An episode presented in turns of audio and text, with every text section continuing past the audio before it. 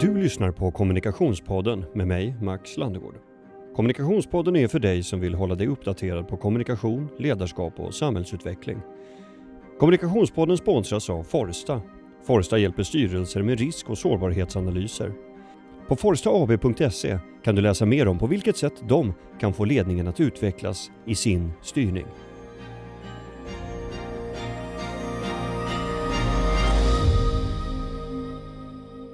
En varg hittas med rester av en människa i magen. Den avlidne verkar ha överlevt en blodig massaker i Finland. Hur och varför hamnade han i skogen utanför Haparanda? Det är med dessa rader berättelsen i romanen Vargasommar beskrivs. En kriminalserie som nu tar sin början. Författaren bakom boken är Hans Rosenfeldt. Han har varit nöjeschef på SVT tidigare, programledare för en lång rad program och det är som manusförfattare hans karriär tagit fart internationellt. Han har varit aktiv med att skriva för olika plattformar och kanaler i över 20 år. Hur har han sett sitt eget berättande utvecklas över tid? Och vilka berättelser vill publiken ha idag? Jag är också nyfiken på att fråga om hans skapandeprocess och hur berättelser hos honom kommer till liv och fäster. Och därför så säger jag välkommen till studion och kommunikationspodden Hans Rosenfeldt. Tack så hemskt mycket. Kul att ha dig här. Kul att vara här. Eh, vi ska komma till boken snart. Yep. Men först så skulle jag vilja inleda med några frågor som jag har översatt från en amerikansk headhunting-firma. Som de anser att man alltid skall ställa till folk på arbetsintervjuer. Okay. Så jag tänkte det här kan vara ganska kul. Ja, Får du få fram lite, mm. klämma ur lite karaktäristik ur dig. Okay. Eh, är du beredd? Ja. Om en kollega eller närstående skulle beskriva dig, hur skulle det låta då och har de rätt? Um, jag tror att de skulle beskriva mig som um, är det jobbmässigt, då är det ju en kollega. Um, men äh, det är nog inte så stor skillnad egentligen. Uh, de skulle uh, som snäll, lojal, uh, arbetsam, lite petig, eh, eller rättare sagt ett ganska stort kontrollbehov. Ehm, men eh, gör det jag har lovat att göra och leverera det när jag har sagt att jag ska leverera. Eh, håller vad jag lovar kan man väl säga. Och ja, de har rätt i alla dem. ja, jag märkte, den här intervjun var ju bokad till klockan 13 och så såg jag, för jag tänkte så här, men Hans han har ju jobbat på radion, han kommer säkert komma prick. Sagt och gjort. 12.59 gick över till 13 och då hörde man bling blong. Det var faktiskt ren eh, tur. Ja, okay. Det var bara att det tog lite längre tid att låsa cykeln än vad jag kanske ja, ja, hade jag kunnat vara här 58 också. Ja, okay, okay. Men antagligen inte 02. Jag tycker om Nej. att hålla tid. Mm. Ja. Vilken personlighetstyp jobbar du bäst tillsammans med? Jag jobbar bäst ihop uh, med kreativa människor som tillför någonting uh, i, i de processer som jag, som jag är inblandad i. Uh, men som för den skull, och det här kanske låter hemskt, men den här för den skull inte tar kontroll över projektet. Jobbar jag bäst ihop med. Sådana som kompletterar men inte vill de, de shanghaja ja, dina kompletterar idéer. mig, men, ja, komple men alltså jag har ju mitt kontrollbehov. Sådär. Mm. Jag vill ju väldigt gärna att det blir på, på ett visst sätt. Och er, jobbar jag ihop med människor som, som nödvändigtvis vill ha det på sitt sätt och det är inte mitt så, så blir det lite problematiskt. Därmed inte sagt att jag inte gärna tar emot, alltså jag har väldigt lätt för att ändra mig. Kommer någon med en bättre idé så gör vi den. Det jag inte jag har liksom inte några, vad heter det? Pretensioner. Pre, ja, precis. -huh. jag, alltså, är, är det en bättre idé från någon annan, då jobbar vi med den istället mm. för min idé. Men sen när det väl liksom ska bli ett manus eller ett, ett slut, slutgiltig bok eller vad, vilken produkten den är så vill jag gärna att det ska bli så som jag har tänkt mig. Mm. Mm. Det vill ja. jag. Vilken är den mest användbara kritik du har fått? Jag tror nog att det kan vara att jag är lite för ordrik. Alltså jag pratar lite, jag ger lite för långa svar. Eh, jag skriver lite för omständigt. Jag, jag, jag, sådär bara en allmän, du skulle må bra av att korta ner på orden lite. Eh, är en ganska bra kritik faktiskt som jag har fått. Mm. Mm. Har, har det funkat då? Inte vad det gäller det muntliga kan jag säga.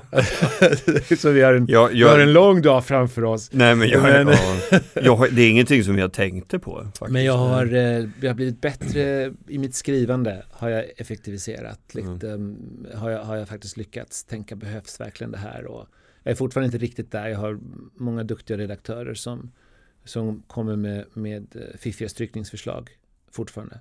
Jag, så det är nog professionellt sett så är det nog det. Allt annat tycker jag känns lite självklara saker. Att hålla deadline och allt sånt där. Men nej, var lite mindre ordryck Hans. Mm. Bollen är hemma. Den liksom. Folk Ja. förstår. Du behöver inte. Vilken är din starkaste sida yrkesmässigt?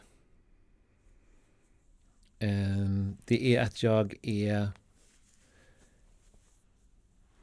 att jag inte ger mig tror jag.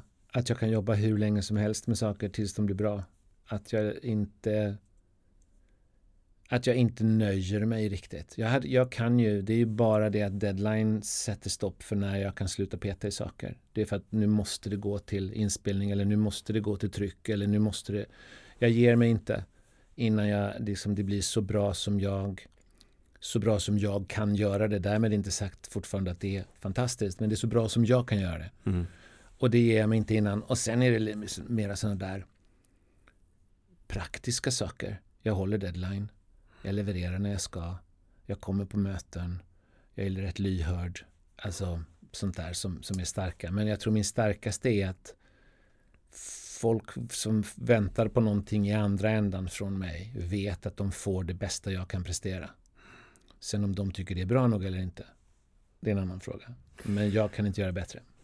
Jag såg en lista som den brukar florera i olika sociala medier som den punktar upp saker som du fortfarande, som är viktiga eh, egenskaper som du, du behöver ingen talang för att liksom bli eftertraktad på arbetsmarknaden till exempel. Och det är just det här, man kommer i tid, man gör så gott Mm. man kan och så vidare. Så att det, det ligger väl väldigt mycket i Ja, nej men det är väl jag i, i princip faktiskt. det. Mm. Och sen har jag, ska jag då säga, eh, ska jag skryta lite. Jag har ju också en viss begåvning för det jag gör.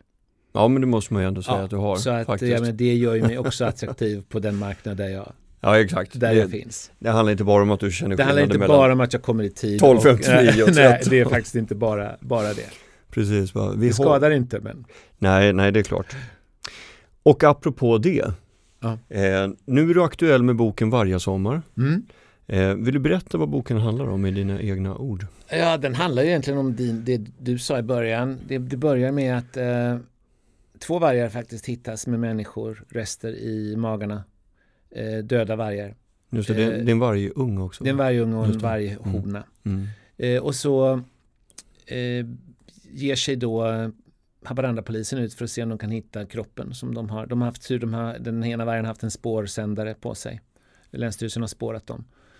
Så då ger de sig ut och ser om de kan hitta kroppen och det gör de och då pekar mycket på att eh, just den, det här offret har överlevt en, eh, en eh, knarkuppgörelse. En blodig knarkuppgörelse i Rovaniemi någon vecka innan. Och ja, jag kan väl säga det också. Då försvann det väldigt mycket narkotika och väldigt mycket pengar. Och de hittar man inte. Så egentligen går ut, boken ut på att försöka ta reda på vad som hände med dem.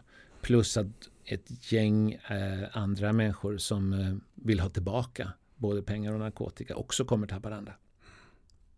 Och, och Haparanda har ju liksom en ganska explicit roll, Mm. tänker jag. Alltså staden är ju som en egen karaktär på något vis. Ja, jag, Ehm. han gjorde ju det. Jag lät Mm. den tänka lite. Ja. jag gjorde kapitel där bara Haparanda så att säga kommer till tals. Ja. Mm.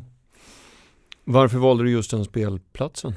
Alltså det var dels, dels att jag valde en fast spelplats. Det var för att jag skriver ju tillsammans med Mikael Hjort eh, också kriminalromaner eh, om Sebastian Bergman och hans kollegor på Riksmord. Och då valde vi en gång i tiden för att sticka ut lite så valde vi att inte ha en fast plats för det var alla hade Fjällbacka och Linköping och Ystad och Visby och alla de här. Så då sa Mm. jag, "Nej, men vi ska resa runt, vi är på en ny plats varje bok. Det tyckte vi var lite udda i alla fall. Mm. Och nu då när jag skulle skriva en egen bok utan Micke så tänkte jag men då ska jag försöka särskilja våra böcker och min, mina böcker så mycket som möjligt. Så dels då eftersom jag har en manlig huvudroll i våra så tog jag en kvinnlig huvudroll i min. Och sen eftersom vi reser runt så tar jag en fast plats. Och då hade jag, jag var i Haparanda i början, slutet på 00-talet, där någonstans när vi precis hade börjat med bron. Den hade inte sänts än men vi hade börjat producera den.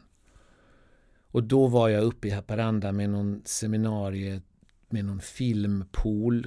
Kan ha varit något filmpool Nord? För då tänkte de, oh, kan man göra något liknande med Finland? Vi har ju också en bro. Sådär. Mm. Så vi hade, vi, jag var bara där uppe och pratade om möjligheterna att liksom bygga mellan två länder. Och sen när jag skulle ha ett ställe till boken så tänkte jag så här, kom ihåg Haparanda. Tänkte, jag tyckte det var en riktigt cool stad, ville jag minnas. Så då, ja, då bestämde jag mig. Jag sätter i Haparanda och sen så tänker jag på, ja, han är alltid vid gränser så där. Nästa blir någonstans Svinesund där, mm. Strömstad och så in i norr. Men mm. nu ska jag sluta med gränser. Men eh, Haparanda, jag, det var coolt. Jag åkte ju upp sen och blev liksom fräschade upp minnet och mm. det, det är ett coolt ställe att vara på. Jag menar, du, du var ju inne på det tidigare med att du är en snäll person. Det, det, är, ju, det är ju det intrycket man får av dig också mm. bland annat. Men eh, så har du sådana här bestialiska eh, scener liksom. Ja. Som får att vända sig i magen när man läser det. Eh, Ja men som den här, att de hittar ett, ett lik inuti en varg. Och liksom. det, är, ja. det, är, det, är, det är mor, morbida ja, grejer. Det är, ja, jag kan ju säga min gräns för där det vänder sig i magen har jag förstått. Min tröskel för den mm. är avsevärt högre än hos gemene man har jag förstått. okay. När jag pratar med folk som undrar mm. lite du måste ju vara, kan ju inte vara riktigt frisk. Så jag tänkte, ja, men okej, okay, ja, det tyckte ändå inte det var det värsta jag kunde hitta på. Men okej, okay, jag förstår. Precis. Nej. Du skulle bara veta. Ja, vad jag ja. kunde ha gjort om ja. jag verkligen hade velat. Ja, chocka, ja. men varför valde du just den här typen av berättelse? Nej, men jag är ju, jag tror att jag är bäst på jag ser inte riktigt vad jag skulle göra annars om man säger så. Det är möjligt att jag kanske skulle kunna något annat. Men jag gillar ju kriminalgenren. Jag gillar ju, framför allt gillar jag ju pusslet. Jag är inte jättenoga med det här att oh, kriminallitteraturen är det som speglar samhället. Den biten, antingen kommer den med eller också kommer den inte med. Det är liksom, det är aldrig huvudsaken när jag skriver. Men jag gillar jag gillar pusslet. Jag gillar att liksom lägga ut små delar som sen ska, ska liksom bli en helhet och jag gillar att, att droppa saker som till synes inte har någon betydelse för att sen knyta ihop det mot slutet. Och jag, den liksom fyrkantiga biten av jobbet som inte är liksom den kreativa skapa karaktär eller skapa spänning utan mera bara hur fan får jag ihop det här?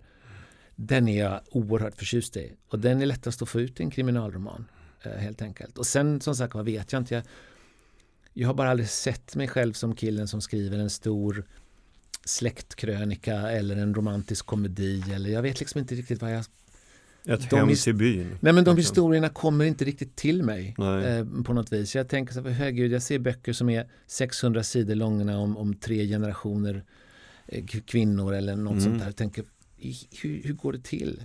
Mm. Jag var helt fascinerad över jag såg Josefin Bornebusch Älska mig mm. precis nu innan den försvann från Play. Mm. Tyckte den var helt fantastiskt bra verkligen. Mm. Väl värd alla priser den kan få. Mm. På alla sätt. Men just det här, det är tre, det är tre karaktärer. Det är pappan, dottern och sonen. Och då. Alltså det, mm. Hon snurrar de sex nästan timmarna på dem. Jag är, bara, mm. jag är så fascinerad ja. över att de har lyckats. Att hon lyckas ja. med det och så små, ja men så kommer mm. en liten extra grej som startar någonting nytt men inga mm. liksom explosioner och Nej. lik och biljakter och sånt mm. som jag måste ta till. Mm. Jag tycker det är Det är coolt faktiskt. Ja det är så coolt och, och jag, jag tror helt enkelt inte riktigt att jag kan det. Nej. Nej. Du är bra på crime. Jag är bra på crime. Det är din grej. Ja, det, jag tror det är min grej och kanske mm. ska jag stanna där helt enkelt. Har du, har du tänkt någon gång på att jag tittade på Unge Wallander på, på ah. Netflix med Adam Pålsson. Um, och så tänkte jag i sånt här hypnagogt tillstånd när man är på väg att liksom somna i soffan. Fan, undrar hur det är att vara polis liksom. Kan man inte dras med? Hur har det varit för dig? Man dras med och liksom vill vara där. Fast det är klart, då har man ju inte, apropå kontrollbehovet, då kan du inte... Nej, där kan jag verkligen inte kontrollera någonting. Nej. Nej, jag har aldrig velat, jo jag ville vara det en, en kort, kort stund i min ungdom. Eller jag är inte ens säker på att det var jag som ville det. Jag tror min mamma ville att jag skulle skaffa mig ett riktigt jobb. Mm. Och då var polis bra, Mm. tyckte hon. Men eh, nej, jag har aldrig riktigt velat vara det. Faktiskt. Jag är väldigt nöjd med att få vara fiktionspolis. Mm. Sådär. Sen faktiskt för i Haparanda mer än tror jag någon av mina andra, vare sig manus eller böcker, har jag ju faktiskt haft väldigt mycket kontakt med polisen. Jag hade en kontakt, Ulf Wallin heter en, en eh, polis i Haparanda som har hjälpt mig jättemycket. Så um, känner jag ändå så här, men jag vet, jag vet lite hur det går till Mm. ändå. Mm. Även om jag inte får vara med och göra coola saker. Du ju skriva om coola grejer. Jag får skriva, och jag, faktum är att om det inte stämmer med verkligheten så väljer jag det som är coolare. Ja. Så jag, jag kan alltid göra coola saker istället för att behöva tänka att det här var inte så coolt. Det här var ju Mm. bara en överkörd ren. Hur kul är det? Ja, men och sen så tänker jag på jag menar, en, en frustration som jag bara kan föreställa mig att många poliser på gruppnivå kan, kan eh, få erfara under sin yrkeskarriär. Det är väl det här att du vet, du har en misstänkt som inte blir ställd inför rätta Mm. eller att brottet som de har begått eh, ger inte ett straff som ligger i paritet med Mm. det som de egentligen har gjort sig skyldiga till och så vidare. Ja, Men som romanförfattare kan man bara, nej men han föll ner från en Ja. hästsup så var det klart. precis. ja, precis. Om man nu tycker att det ska vara ett, ett Justice made! Ja, precis. Om man ska nu vara tyck- gammaltestamentlig. Om man nu tycker att det är om man nu tycker att alla brott förtjänar dödsstraff så är det ju precis, det skulle jag kunna göra rent Precis, teoretiskt. alla brott förtjänar ja, det. Ja, det är sant. precis. Ehm, Marcella som går på Netflix Mm. har också blivit en stor succé måste man ju ändå säga. Det handlar om en kriminalare som lider av minnesluckor om man kan uttrycka det så enkelt. Ja, det kan man. Eller ja, hon har stressrelaterade minnesluckor. Det heter någonting. Det är ett, det är ett verkligt tillstånd Mm. eh, som finns. Till följd av ett trauma? Ja, till eller? följd av ett trauma, så när Mm. viss stress eller om man påminns om det där traumat eller om stressnivåerna blir för höga så, så antingen så zoomar man bara ur som hon gör eller så skaffar man sig en, en eh, annan personlighet. Det, det, man kan också alltså, uppstå en viss personlighetsklyvning i och med att, för att hantera den här stressen som uppstår. Mm. Sen har vi tagit oss väldiga friheter med när de här uppstår och hur länge de varar och sådär. Jag tror att eh, det, det var ju några sådana här eh, fall eh, om man är lite, ja, i, i, det fanns någon som hette Pianomannen en gång i tiden som gick. Man hittade honom på en strand tror jag i södra England och ingen visste vem han var. Han hade inga ID-handlingar på sig men han kunde spela piano. Ja, men det här är ju en verklig Det är en verklig historia. det. Han Mm. led av det där. Mhm. Han hade bara, han visste inte vem han var. Han hade, men då, det var, kan ju vara i månader. Vi har ju henne väldigt bekvämt att hon går in i den när vi behöver och kommer ur den när vi, när Mm. vi behöver. Dramatiskt Ja, sett. precis. Så fungerar det inte. Men tillståndet finns i verkligheten. Mm. Det gör det. Men vi har dramatiserat det rätt ordentligt. Du var inne på det själv här med anledning av Haparanda-historien. Du var ju var med en av grundarna till långköraren och dramaserien Bron som gick Mhm. i, bland annat i SVT men det blev ju också en stor nordisk Ja, det blev en satsning. jätte... Eller ja. det gick väl Den ja, blev, det blev en va? jättesuccé Ja. faktiskt. Den, det Mm. blev, den var ju livsförändrande för mig. Mm. faktiskt. Den är ju den som har gjort att jag har fått göra allt annat Mm. som jag gör. Så att, eh, nej den sålde ju till hela världen och har gjort sex remakes. Och Mm. den, den tuffar på, den har liksom, nu har den ett eget liv. Liksom, Mm. Där olika länder gör olika versioner av den. Just det. Och jag får bara höra att nu gör de den. Jaha, vad trevligt. Mm. Ja. Eh, vilket år, apropå det här nu då, vilket år skulle du säga att du breakade? Det där kan ju vara en ganska subjektiv upplevelse. Men, Ja. eh, vilket år var det? Vad, vad hände i ditt liv då? Vad hände i mitt liv? Alltså vet du vad, jag tror antagligen så rent objektivt så breakade jag nog där runt 12, 13 när första säsongen av Bron började började verkligen plocka upp internationellt och vi gjorde andra och det var ett jätteintresse av den internationellt, framförallt England var Mm. tokiga i bron. Och i och med att utlandet blev väldigt intresserade och tyckte otroligt mycket om det så vände också lite grann. För man ska inte glömma att första säsongen av Bron fick inte särskilt bra recensioner i Sverige när den gick. Den blev så liksom omtyckt när utlandet på något vis sa ja men det här är bra, så tänkte, oh, det Mm. kanske var lite bättre än vad vi trodde det skulle vara. De flesta vi fick var ändå sådär det här är bättre än vanligt men det är mest danskarnas förtjänst. Mm. Så, så fick vi. Mm. Vilket var inte unikt visade sig för det var samma sak i Danmark. Det här var en trevlig serie men det är så roligt att se så många svenska bra skådespelare skrev danska tidningar. Så att det var och sen blev den då univers, alltså verkligen eh, globalt hyllad. Mm. Ehm, och då så, ja, sen dess var den liksom en succé. Så antagligen var det 12-13, men min känsla tror jag av att verkligen ha breakat, det var 2017 när jag flyttade till London för att skriva Marcella 2. Jag bodde, produktionsbolaget hade hyrt en lägenhet åt mig precis vid Covent Garden. Jag bodde där ett år, gick till mitt kontoret, jobbade, var på inspelning. Jag bara var i England och jobbade ett år. Mm. Bodde i London, jobbade med engelska skådespelare, engelska regissörer, eh, engelskt produktionsbolag. Då kändes det, tror jag mest, att Mm. fan, nu, nu går det bra. Mm. Ja. Så 2017 var nog året som jag verkligen sådär, ja men det här, det här är bra. Nu är det bra. Så nyligen alltså? Ja, För jag menar, du, du har ju skrivit eh, under många år. Jag menar din första dramaserie för SVT, det, det, den är väl över 20 år gammal? ja det är min första egna är 94. Ja. Mm. Eh, aspiranterna heter den. Så eh, ja, nej men, Det kändes aldrig som någon break eller? nej men då var jag också så då hade jag så dålig koll kan jag säga. Då tackade jag ja och skrev allting, vilket jag har gjort nästan alltid. Eh, och för mig, jag förstod nog inte riktigt hur stort det var då, faktiskt att få en egen tv-serie. Jag hade skrivit på Rederiet, jag hade skrivit på Tre Kronor på TV4, jag hade skrivit på en serie som heter Radioskugga som inte var min, jag var bara inne och skrev avsnitt, det var inte jag som hade hittat på den. Så jag såg nog inte någon större skillnad egentligen på att skriva de där serierna eller skriva min, det var väl bara att Mm. jag fick hitta på den.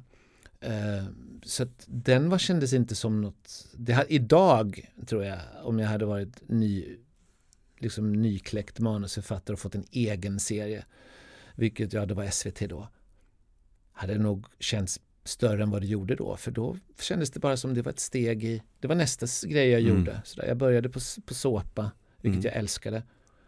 Och sen gjorde jag Radioskugga, vilket var mer en dramaserie. Och sen fick jag min egen serie. Det kändes som, ja men det är väl så här det går till. Mm. Ehm, hur såg det ut året innan du själv upplevde att du breakade då? Nej men då var det nog bara ett vanligt eh, Alltså grejen är den, jag är väldigt, väldigt dålig på Det sa min chef på SVT en gång i tiden att du är otroligt dålig på att eh, njuta av dina framgångar. Mm. Ehm, det var efter jag hade slutat på SVT och, och bron och allt det här hade börjat. Och då träffade jag henne. Och då sa hon det. Att, men gör du någonting, njuter du? Jag sa nej, jag jobbar väl på.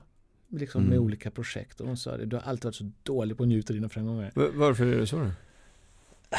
Jag vet inte, jag vet inte riktigt vad ska, vad ska, jag, vad ska jag göra? Vad ska, jag- vad, ska, vad ska jag göra när jag njuter av mina framgångar? Eh, jag förstår, jag vet inte riktigt vad jag ska göra. Vad ska jag åka bort? Ska jag köpa mig något? Ska jag ta ledigt? Ska jag...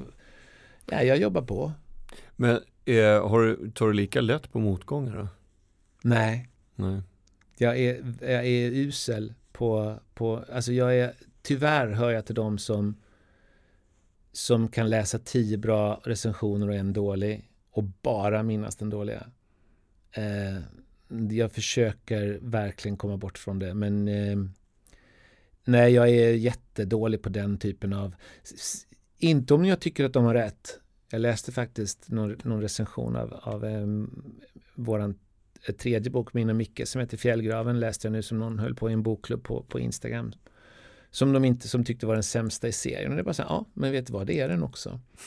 Det har du alldeles rätt i. Mm. Och det var en ganska lång recension och sådär. Och alla kunde man tycka, ja men du har rätt, det här så är det. Mm. Och då kan jag köpa det. Men när folk inte förstår eller faktiskt bara avfärdar det för att det, det är deckare, vilket händer ganska ofta, Mm. Då kan jag bli så här, men vad fan, Mm. skärp till er. Eh, Fin- Finns det någon sida hos dig då som vill ringa upp och säga du, det är inte bara en deckare, så här ligger det till. Nej, det gör det faktiskt inte för Nej. det skulle bara vara kontraproduktivt. Ja, faktiskt. så Så, att eh, nej, det finns, jag, jag, eh, jag, jag ligger och tänker och svarar, svarar syrligt i olika tankebubblor innan jag ska sova. Ja. Men längre än så går det aldrig. Det är som den här, du, du känner till tecknaren Jan Stenmark. Mm. Och hans enaktare kan man nästan kalla det för, med de här rutorna. Ja. Då har han eh, gjort ett collage där man ser en siluetten av en man i en gammal Volvo Amazon. I ett vinterlandskap, en massa björkar, lite norrländsk stil. Lite på avstånd så här är sceneriet taget. Och så hör man hur han skriker inifrån bilen. Ja men dina badbyxor är inte heller så jävla snygga. lite så, lite så är jag. Ja. Lite passivt aggressiv någonstans utan att det märks allt för mycket. Nu för tiden har jag, jag är bättre på att låta bli och dels läser jag det inte så mycket. Eh, och sen är jag, jag, jag skakar av mig det lite lättare nu än vad jag gjorde. För grejen är den att nu har jag ändå någonstans en uppnått en slags grundtrygghet i att jag vet att det jag gör är ganska bra. När, upple- när, när tycker du att du kom till den platån att du är trygg i det du gör? Alltså det var inte länge sedan skulle jag säga. Jag, jag skulle säga att det är nog eh, Ja men det är nog i den där vevan tredje säsongen Bron, första säsongen Marcella. Säg att det är där 15 någonstans. 15-16 För fem år sedan. Ja. När du hade varit igång i 20 år. ja, då började jag ändå känna sådär att men, Bron var ju otroligt bra för mitt självförtroende. Mm. Och Marcella. Så att jag tror att de två tillsammans plus att Mickes och mitt bokserie ändå liksom säljer bra, liksom börjar ta fart, inte dog efter två, tre böcker. Ja men där någonstans, 15-16 kände jag nog att, vet du vad, jag tror att jag, jag vet faktiskt vad jag gör. Sen är det inte säkert att alla gillar det, men det jag gör, jag gör det rätt bra. Så jag har en liten grundtrygghet, mer än vad jag hade tidigare i det. Men är, är det något, eh, alltså avsaknad av en sån här eh, grundtrygghet i att känna att man är bra på det man håller på med. Kan det vara en motivator som gör att du faktiskt anstränger dig och gör bättre? Eller är det bara något som är destruktivt som man måste hi- hitta lösningar för att Nej, jag tror, i mitt fall tror jag det har varit bra faktiskt. Mm. För att i mitt fall har det också gjort att jag har tackat ja till allt. Verkligen allt. I många, många, nu gör jag inte det längre för nu får jag mer förslag än vad jag klarar av att, att göra. Så nu måste jag välja saker. Men innan dess, så 90-talet och en bra bit in på 00-talet så tackade jag ja till precis allting. Och det var ju det var ju i en slags att om inte jag tar det här, det är inte så att projektet inte blir av, då ger de ju det till någon, då frågar de någon annan. Och frågar de någon annan så finns det en risk att jag glöms bort. Och då får jag inga fler jobb och så ja, hela den cirkeln. Mm, mm. Så då tack, det var ju, så att i mitt fall har det nog varit en, en drivkraft faktiskt att inte riktigt eh, känna att jag kan luta mig tillbaka och veta vad jag kan. Mm.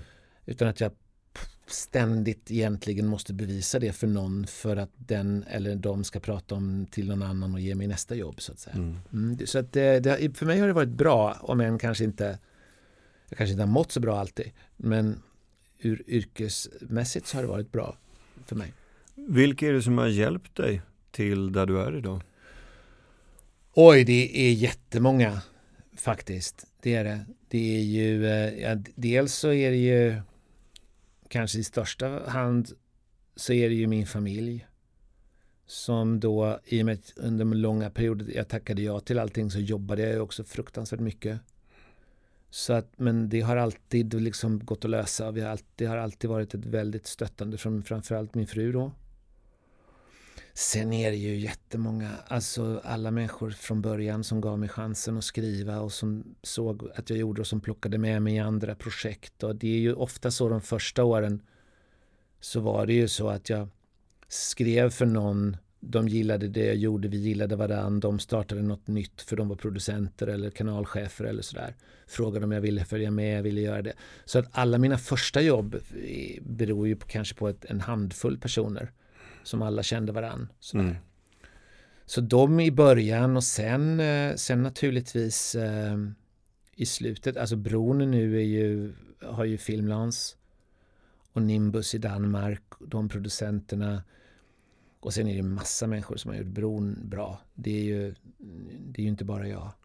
Och Marcella samma sak. Alltså det är, på tv-sidan så är det ju verkligen, på tv-sidan är det så många människor inblandade i alla, i, i produktioner.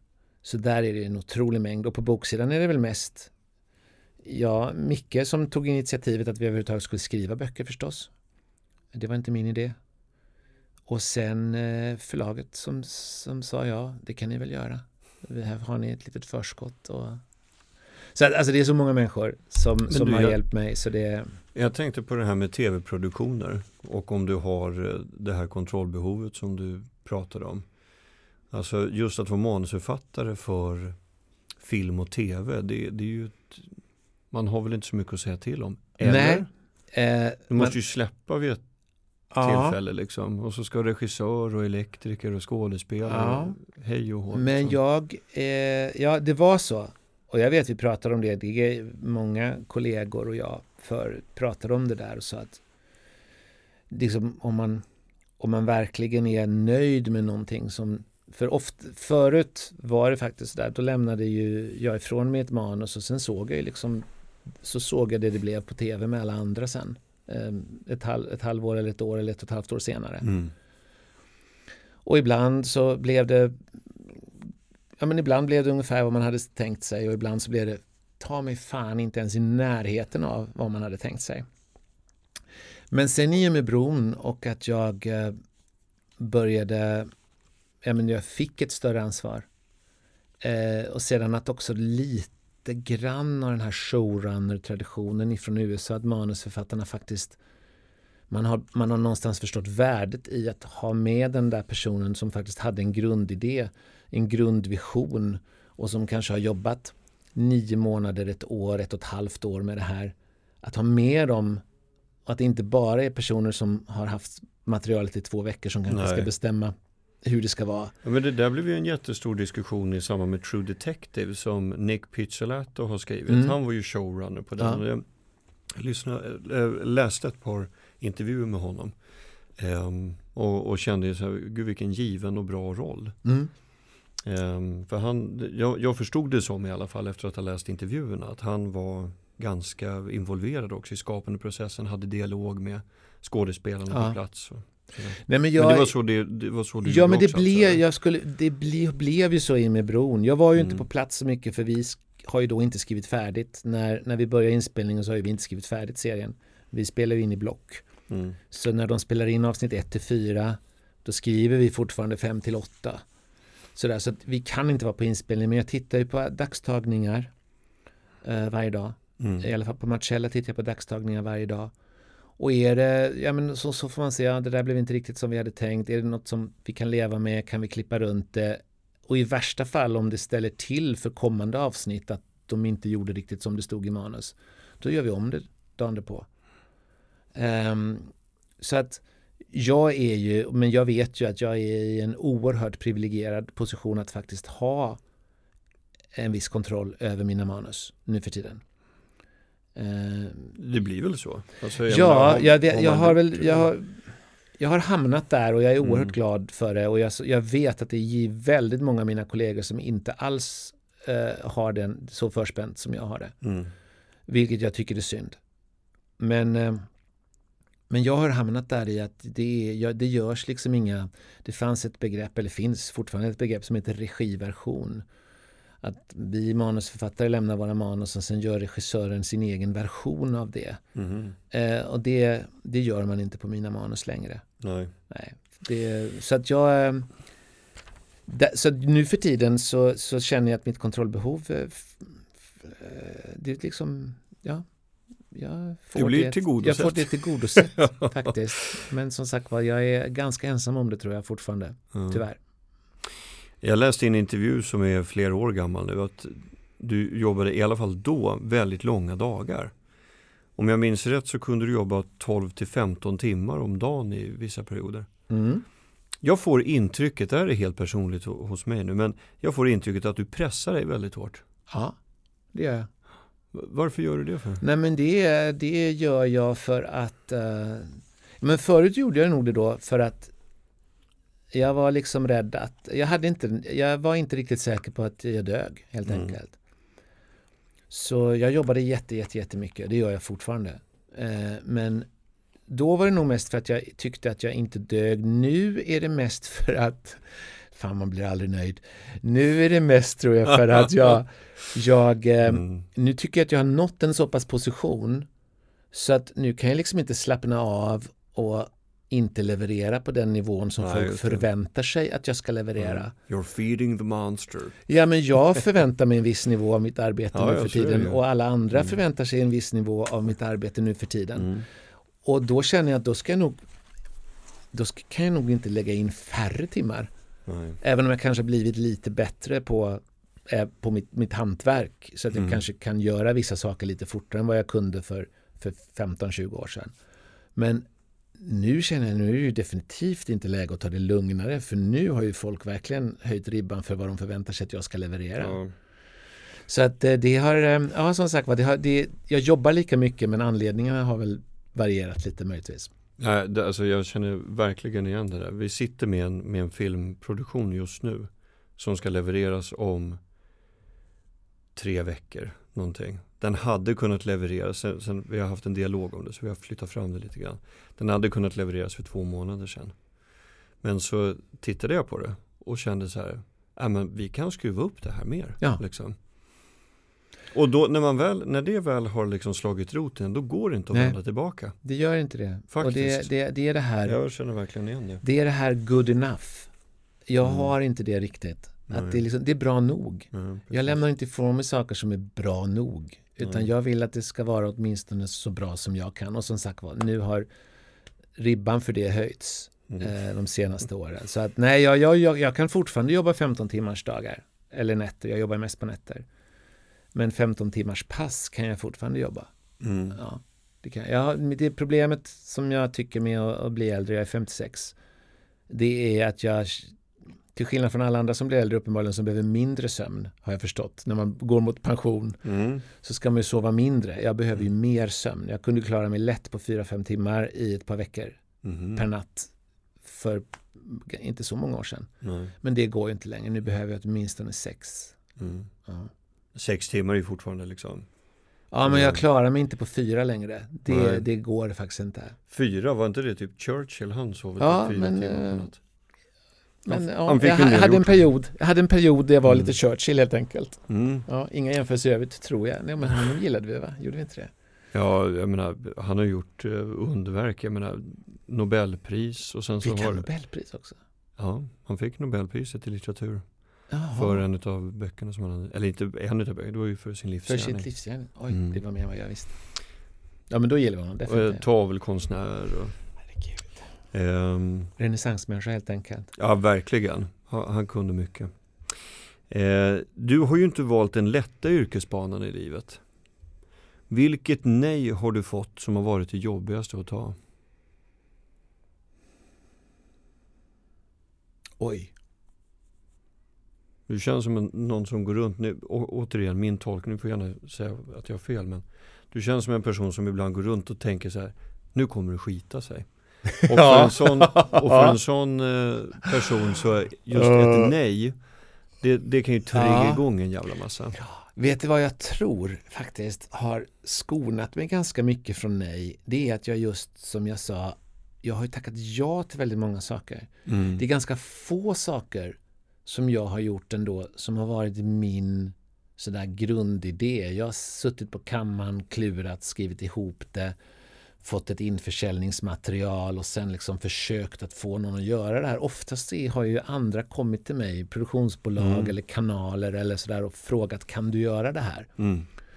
Och då vill de ju ha det och så har man en dialog även om man är lite snett ute från början så är det fortfarande något de, de vill ha. Så att jag har inte fått så himla många nej just av den anledningen att jag har liksom inte försökt mig på så många direkta egna. Ja, det, det som tror jag tagit hårdast det var bara för några år sedan när vi gjorde en, vi gjorde en internationell satsning på Sebastian Bergman eh, som skulle utspela sig i, i, i hela i Europa. Han skulle Mm. vara nere i Bryssel och jobba. Och den hade vi kommit jättelångt med. Vi hade alla avsnitten, vi hade i princip finansiering och sen så en av finansiärerna, eh, den största finansiären, precis liksom typ två dagar innan allting var liksom klappat och klart, sa att nej, vi, vet ni vad förresten, vi gör inte det här. Och det var nog inte så mycket att jag var, oh fan nu får Sebastian Bergman inte komma ut på den internationella marknaden. Det var mera sättet, det var mer att jag hade lagt, Ja. vi hade Mm. lagt ner så fruktansvärt mycket jobb Mm. på att Jo, det paketera det, där. Alltså, Ja. Vi hade verkligen lagt ner månader av jobb Mm. på att få det där och in, sälja in det, fixa finansiering med olika bolag och distributionsbolag i Europa och allt sånt där. Mm. Och så bara en av dem, egentligen utan nå- någon som helst eh, motivation bara Mm. sådär. Nej, vet ni vad, vi, vi ångrar oss. Vi vill inte vara med. Vi skriver inte på det där kontraktet. Nej. Man bara, eh, va? Mm. Vad sa du? Ja, nej, men det var verkligen en, en Mm. sån där. Så, så det är nog det som Ja, för har fan. Det är nog det som har gjort mig mest förbannad faktiskt. Mm. Eh, av de nej jag har fått. Men som sagt, annars så. Man tror ju att jag är en sån där. Man tror ju, sa han. Men eh, man kanske tror att jag är en sån här som sprutar ur mig idéer sådär. Men de allra, allra flesta saker jag har gjort så är det ju folk som har kommit och frågat kan du göra det här? Och så Mm. har jag sagt ja det kan jag. Det Mm. låter roligt. Ja, du, var det så med Netflix också? Ja, det var det. Mm. Det var en producent som hette Nicola Larder som eh, sökte upp mig. Eh, Vi pratade på ett seminarium om hon var, hon var inblandad i en remake av Bron. Så vi hade en sån där någon paneldebatt på någon tv-mässa om eh, remakes och originalversioner och sånt där. Mm. Och sen efteråt så käkade vi middag Mm. och då sa hon jag har en idé om en den var lite annorlunda då men då sa hon jag har en idé om en kvinnlig polis som, som har egentligen var det en slags eh, vad heter den här nu blottar jag luckorna i min allmänbildning vad heter, är det Medusa den här grekiska som Guden med... med Ja, okej, då var det inte hon, förlåt. Hon som eh, dödar sina barn för att straffa sin man. Ja, eh, vänta. Vad heter hon? Ja, vänta. Det här, jag har läst grekisk mytologi så jag måste kunna det här. Vänta ett tag. Heter hon något på A? Kanske? Mm. Ja, vänta. Medea heter hon. Medea, bra Mm. nära Medusa ändå. Det var ganska nära. tack. Så Medea, det var mer Mm. en sån där Medea, a, a woman scorned skulle det liksom verkligen handla om en slags hämnd sådär. Sen gjorde vi om henne och då hade hon inte de här eh, minnesluckorna och det här, det, det kom in när, vi- när vi började jobba med henne. Men grundidén till Marcella var inte min. Att jag Mm. hamnade i England var inte sådär att jag hade skrivit Marcella och skickade den till olika produktionsbolag. Utan Mm. det var återigen någon som frågade om jag ville vara med och jag sa ja. Mm. ja. Mm. Har du testat någonting och valt bort det för det passar inte? Ja, nu har, jag, nu har jag det. Jag tror inte jag har valt bort någonting och sagt Jo, jag har den. Jo, ja, jo det har jag. Oh ja, det har jag förresten. Fast inte, på, inte professionellt så, eller ja, jag, jag har valt bort vissa programledaruppdrag som jag inte tror passar mig överhuvudtaget. Nej. Och sen har jag valt bort, eh, nu för tiden har jag valt bort långfilm. Jag har tagit ett aktivt beslut att jag ska inte syssla med långfilm. Mm. För det är inte mitt nu bygger jag i och för sig mina erfarenheter av det på 25 år gamla floppar. Men det är inte mitt eh, medium helt enkelt. Mm. Så långfilm har jag valt bort. Sen har jag inte aktivt, det är inte sådär så att folk knackar ner dörren och säger snälla, snälla gör en romantisk komedi. Och jag säger nej, jag vill inte. Utan det, det är inte ett aktivt val, det är bara att det aldrig blivit av. Och Ja men just med genrer ja. Ja, med Mm. genre så har jag liksom inte, men jag, när jag har valt bort långfilm och så har jag valt bort vissa, så har jag aktivt sagt nej till vissa saker att göra, framförallt på radion, som jag känner att det där, det där skulle inte jag göra bra. Nej. Vädret. Nej, det är mer sådana här, eh, det är mer sådana här eh, ring in-program. Ja ja okej. Jag har blivit en tillfrågad, du vet, typ Karlavagnen och Kvällspasset Mm. och sådär. De har ju vikarier ibland. Just Där har jag blivit tillfrågad. Och det har jag sagt, det är verkligen inte min grej att, att prata med folk. Nej. Nej. Jag, jag mötte en, eh, en kvinna för många år sedan eh, i ett jobbsammanhang. Och hon, då kom vi in på Karlavagnen av någon anledning. Då visade det sig att hennes, hennes pappa, när, när den här kvinnan var barn, hennes pappa hade varit bankrånare och suttit inne i fängelse. Och på kvällarna så hade han gett eh, sin dotter då instruktionen om att gå ut till husvagnen som stod på familjens gräsmatta Mm. och slå på den batteridrivna radion där. För då önskade han låtar till henne. Åh, det är faktiskt väldigt gulligt. Då låg hon i, i soffan där och lyssnade på radion och såg upp mot stjärnorna. Tänkte på pappa. Det är väldigt fint. Det är faktiskt väldigt fint. Jag trodde du var på väg att han skulle tala om vad, hur de skulle gömma bytet via Karlavagnen. Det är Men- här du är romanförfattare va? ja, men, men, men din blev mycket finare, måste Ja. jag säga. Ja. Mer uh, romcom. Ja, mera, mera relation faktiskt. Eller hur? Ja, väldigt Ja. mycket mer. Mycket bättre. Men alltså, då, då börjar jag ju nästan få svar på frågan själv här, men jag vill ställa den ändå såklart. Är du en taktiker eller går du på lustprojekt? Men, men ehm, de sakerna behöver inte De behöver ju inte varandra. utesluta varandra. Nej, Nej. jag går på lust. Äh, mer nu, eller nu går jag uteslutande på lust. Ja. Nu går jag på projekt jag tycker om. Och så har jag märkt faktiskt att jag börjar smalna av med, med människor jag arbetar med. Jag söker mig gärna tillbaka till fungerande konstellationer. Mm. För att jag vet att det blir lustfyllt och jag, vet, jag orkar liksom inte Camilla och jag, vi har skrivit, vi träffades på Rederiet, Camilla Ahlgren som också var inblandad i bron eh, och, och skrev tillsammans med mig. Mm. Vi är väldigt, väldigt goda vänner. Och vi har liksom sagt att vi är för gamla nu för att liksom hålla på. vi är för gamla för att inte ha roligt på jobbet. Så nu måste vi ha ro, nu måste vi ha i projekt som vi tycker är roliga med människor vi tycker är roliga. Om inte Mm. de två, då, då skiter vi i det helt enkelt. Ja. Så att nu är, det, nu är det rent lustfyllt. Tidigare var det faktiskt, ja det var väl taktiskt att inte säga nej till något. Faktiskt, Mm. det var det väl. Det var väl en viss taktik i det. Men nu är jag bara lustdriven. Faktiskt. Vilken typ av berättelser skulle du säga är ditt signum?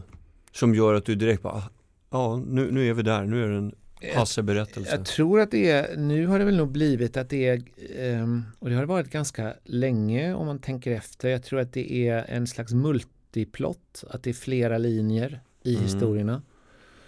Ehm, som, som till synes kanske inte alltid hör ihop, eh, men som på något vis ja, men går upp i någon form av A-plott eller får någon slags, jaha, det var så det hängde ihop. Eh, slut. Om man tänker efter så har jag nog gjort det där längre än, jag menar Bruno och Marcella är båda väldigt tydliga exempel men även tidigare saker som som eh, en serie som jag är oerhört stolt över som ingen människa såg som heter De drabbade som gick eh, i början på 00-talet Mm. som också är multiplott eh, men som liksom knyter ihop säcken mot slutet i, i, i A-plotten. Och, så det är väl multiplott, det har blivit ganska mycket kvinnliga huvudkaraktärer eh, på sistone. Jag vet inte om det kännetecknar mig men sen är det Är väldigt det visst- roligare att ha sådana i, Ja, jag tycker det. mm. vad är det som gör det då? Ja, men ibland är det bara roligare.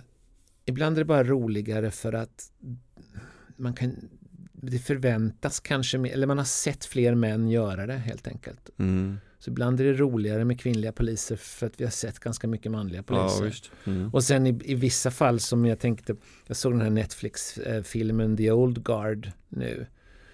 Med de här, jag kan ju aldrig uttala hennes Ja, namn, Charlize Theron, heter hon så? Ja, Ja, ja, hon ja. är ju då eh, odödlig. Hon är odödlig och, och, Ja, har, en liten, den ja. ja och har en liten armé av andra odödliga som Just gör det. världen bättre Någon genom, genom århundradena. Ja, hon är odödlig och Ja, slåss för bra saker. Mm. Och nu börjar hon tycka att det är lite tråkigt. Mm. Ehm, men hon är, och det och jag tänkte på den och så tänker jag då på, på jag har ju då Katja, en rysk lönnmördare i, i min nya bok. Att det är ju också roligare Old Guard hade varit en sån här med film med någon 25-30-årig hunk Mm. som ledare för det här odödliga gänget. Come with, we, with me if Ja, you want to live. Precis, ja. det hade varit sådär, ja det var väl en bra, det var en kul historia, det är roligt med odödliga Mm. människor och så det här läkemedelsbolaget som försöker profitera på dem. Ja, det, men den blev ju, den, den blev ju fortfarande kanske inte femstjärnig, men den blev ju bättre för att det var hon. Jo men Och jag alltså, kan apropå just- just, Charlize Theron eh, med, eh, jag vet för övrigt inte heller om man uttalar namnet rätt. Så tycker jag, precis så Men- tycker vi gör det. Men, men hon, hon, ehm, hon var ju med i Mad Max-filmen också. Ja, Kommer du ihåg, har Ja. du sett den? ja det, alltså det, Alltså det, det var ju en fruktansvärt bra film alltså. För jag, fruktansvärt jag hade liksom bara kastat mig rakt in i den för jag, jag tittade på Mel Gibson-varianten Ja, med, jag med också. Tina Turner också. Jajamän. Eh, och tyckte att de var ju väldigt kultiga och kul liksom. Älskade framförallt rekvisitan och hela sceneriet som de byggde upp liksom. Det universum de skapade. Så jag hade inte läst på så mycket och jag trodde faktiskt inte att det var Charlize Theron som, hade va- som var huvudrollsinnehaverskan. Utan jag trodde att det var han andra killen. Ja, Eh, han, eh, Mm-mm. som, just det.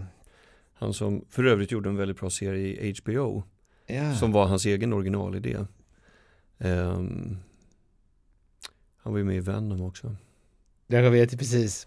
Ja, Mm. jag såg den där serien också. Det var om de här eh, ostindiska typ. Det heter de Precis, inte men... var inte det en väldigt bra serie? Det hette en Tattoo. Nej. Tattoo heter den, Taboo heter den. Taboo hette Taboo. den. Ja, den var jättebra. Ja, Den var verkligen riktigt bra. jättebra, Ja, ja. jag tyckte den var eh, märkligt att den inte har liksom fått någon uppföljning. Ja, någon, nej men någon det, det är ju den sådär vissa. Jag hörde nu att ehm, jag såg precis eh, City of Angels, Penny, Penny Dreadfuls Ja. spin-offen Mm. i Los Angeles som jag tyckte var fantastiskt bra. Den hörde jag, kommer inte heller att få en tvåa. Aha, För att den helt enkelt har för lite, för få folk har streamat den. aha. Så det kan Nej. ju varit samma sak med Taboo faktiskt. Att den Ja, för jag få... kan förstå om den, om den upplevs lite smal. ja. Kanske. Men det var, det, det var fortfarande alltså, makalöst skådespeleri och liksom Ja, men helt det var annan det. take, sen var den känns ganska det. mörk. Ja, det var alltså, Både bokstavligen en ganska mörk film, Mm. men också att det är, jag får en känsla av att de där allra mörkaste sakerna är, de blir, alltså det är ju inte för alla. Vissa Nej. stänger ju av det där när det blir för, för för hemskt, det behöver inte vara explicit våld men bara att det är som, bara miljön och alla är, alla är elaka, alla är smutsiga, alla är Ja. fattiga, alla är, man bara orkar inte riktigt. Nej. Ja, det tänkte jag på med Punisher var ju också en sån där serie, Ja. Netflix-serie. Jag tyckte för övrigt att det var en riktigt bra Jag serie. tyckte nog det faktiskt det var den bästa av, ehm, Marvel. av eh, Marvel-franchisen El- på Netflix faktiskt. Vad vad kul att du säger det, för jag, jag tyckte verkligen att den, den, den slog superhögt. Ja. Och att där, där fick den först en, på samma sätt som det blev så oväntat som i Mad Max med, eh, med Charlize Theron som jag tyckte gjorde en sån här fantastisk rolltolkning och, gjorde, och liksom fick hela filmen Mm. att lyfta. Så tyckte jag det var så intressant att de hade hittat den här eh, Frank Castle eh, skådespelaren som gjorde honom så fruktansvärt bra. Mm. Ja, men det Men var, det, var, det, var det är också en väldigt, väldigt mörk serie. ja, det, liksom. ja, den är ju, den är ju galet mörk. Men hela han, alltså Punisher är ju det mörkaste Marvel har. Visst är det det? Ja, det är det. Ehm, Det får man väl säga. Ja, sen, jo, men det är det nog banne mig. ja. Daredevil har ju överhuvudtaget, Daredevil-universumet, jag är ju väldigt förtjust i Marvel och väldigt Mm. förtjust i Daredevil. Mm. Daredevil har ju haft enormt mörka stunder genom årens gång. Ja. Brian Michael Bendis skrev en lång sträcka och den, det är ju, det är ju inte många ljusglimtar där inte. Nej. Nej, verkligen inte. Jag undrar vad det är som gör att man dras så mycket till Jag till har ju alltid gillat det där. Jag har ju alltid gillat när det är, det är mörkt och våldsamt. Och redan när jag var barn. Nu Mm. låter jag antagligen som en psykopat. Men, men, men, men jag Ja. har alltid dragits mer till det än till det komedi och, och roliga. Och jag har alltid tyckt att det var mycket mer spännande när, när saker är lite jobbiga. Ja det, det har jag också. Jag, jag, det finns komedier som jag kan tycka är kul. Jag, jag tittar på Love actually varje år och tycker Mm. att det är liksom där kan jag få, det kan liksom vara väldigt värmande och fint liksom. Eh, men annars är det mörkret oftast. Så Ja, men jag tycker också, jag har väldigt svårt. Jag, jag, jag, det är väldigt sällan jag känner, kommer på mig själv med att skratta framför tvn. Sådär. Det, jag, Mm. kan bli, jag kan bli underhållen mm, och, och liksom just lite varm och lite varm och, och gosig. mm. Men det är väldigt sällan jag, jag sitter så och skrattar högt åt komedier. Ja. Jag vet inte när det hände senast. Senast jag skrattade åt en komedi högt i biosalong. Det, jag har faktiskt inte gjort det före eller efter. Det var när Borat hade, hade sin Men jag har inte premiär. sett den. Nej, Nej. den ehm, Nej det var så mycket han Men gjorde inte som var, så- som var socialt så fruktansvärt Men fel. inte så jag- det sådär cringe. Jo då, det var jättepinsamt Blir man inte alltihopa. bara, åh vad det här är jobbigt. Ja men det var titta på." därför jag skrattade åt det. För jag, Han För att annars så, hade du börjat gråta. Ja men typ, ja. Nej, men han, han bröt så mycket, det var så mycket som var så fel. Så jag kunde inte göra annat än att skratta åt det. Ja, nej, jag har nog inte, det var länge sedan. Jag är inte, inte en komedikille. Hur, hur ser din egen skapande process ut? Uh, ja, alltså jag är ganska strukturerad. Uh. Jag vill ju veta vad jag ska göra när jag väl sätter igång själva skrivandet. Så det, det är vad vi än gör, oavsett om det är böcker eller om det är tv eller om det är, ja det är väl typ det, eh, så är jag ganska, alltså vi, vi plottar ut eh, det som ska hända först. Och då är det, men då är det mest liksom story, då är det mest själva handlingen, det här kommer att hända i de här avsnitten. Och finns det då en mördare så ska vi veta den och det, allt ska knytas ihop och på slutet. Allt det där så att det ska vara så lite tankejobb, om man säger så, som möjligt när vi väl börjar skriva manusen. För det är då vi ska hitta de där, nej men här behöver vi mera av, här behöver vi förstå varför, här vill vi veta mer om de här. Här måste vi starta en slags attraktion. Sådär. Det står sällan i storyline. För det är sånt som föds mer, hos mig föds det mer organiskt när jag skriver. För att min skapande process Förutom att jag då oftast vill veta ungefär vad jag ska göra eller ganska exakt vad jag ska göra.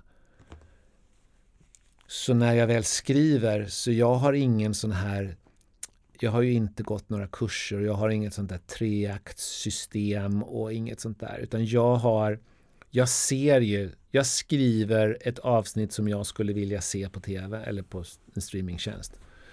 Så jag känner så här, men nu har vi varit borta från det här lite för länge. Eller det här blir ett snyggt klipp över till. Eller så där. Så jag, jag är väldigt intuitiv inom liksom avsnittets ramar. Eh, när jag vet vad som ska hända i det. Och sen då, sen föds det ju en massa. När, när jag skriver, eller när vi skriver, så föds det ju en massa. Man kommer på när man skriver, men nu vore det toppen om det där ledde dit istället. Eller wow, då kan vi göra det här nu. Det har vi nästan, det, visst, det såg vi inte i storyline att vi hade satt upp för en smash här verkligen. Mm. Så att eh, först ganska rigid, ett par veckor, plotta ut och sedan ganska intuitiv resten av tiden. Det här skulle jag vilja se på tv. Tänker du mycket på vad publiken vill ha? Nej, det gör jag inte. Jag tänker så här att om det här är någonting som jag tycker om och som jag skulle vilja se och det är personer som jag tycker är intressanta så förhoppningsvis så finns det fler som jag som mm. tycker att det här är bra och intressant. Så att nej, jag gör aldrig jag gör aldrig tv eller böcker för någon eh, annan än mig. Om man ska säga så. Det låter ju oerhört egoistiskt. Men alltså nej, nej jag, jag, tänker inte, jag tänker inte på, ja. på mottagaren utan jag tänker gör jag det här så att jag gillar det så, så förhoppningsvis kommer fler att gilla det. Hans Rosenfeldt, stort tack för tack så att hemskt du mycket. har delat med dig. Tack för att jag fick komma.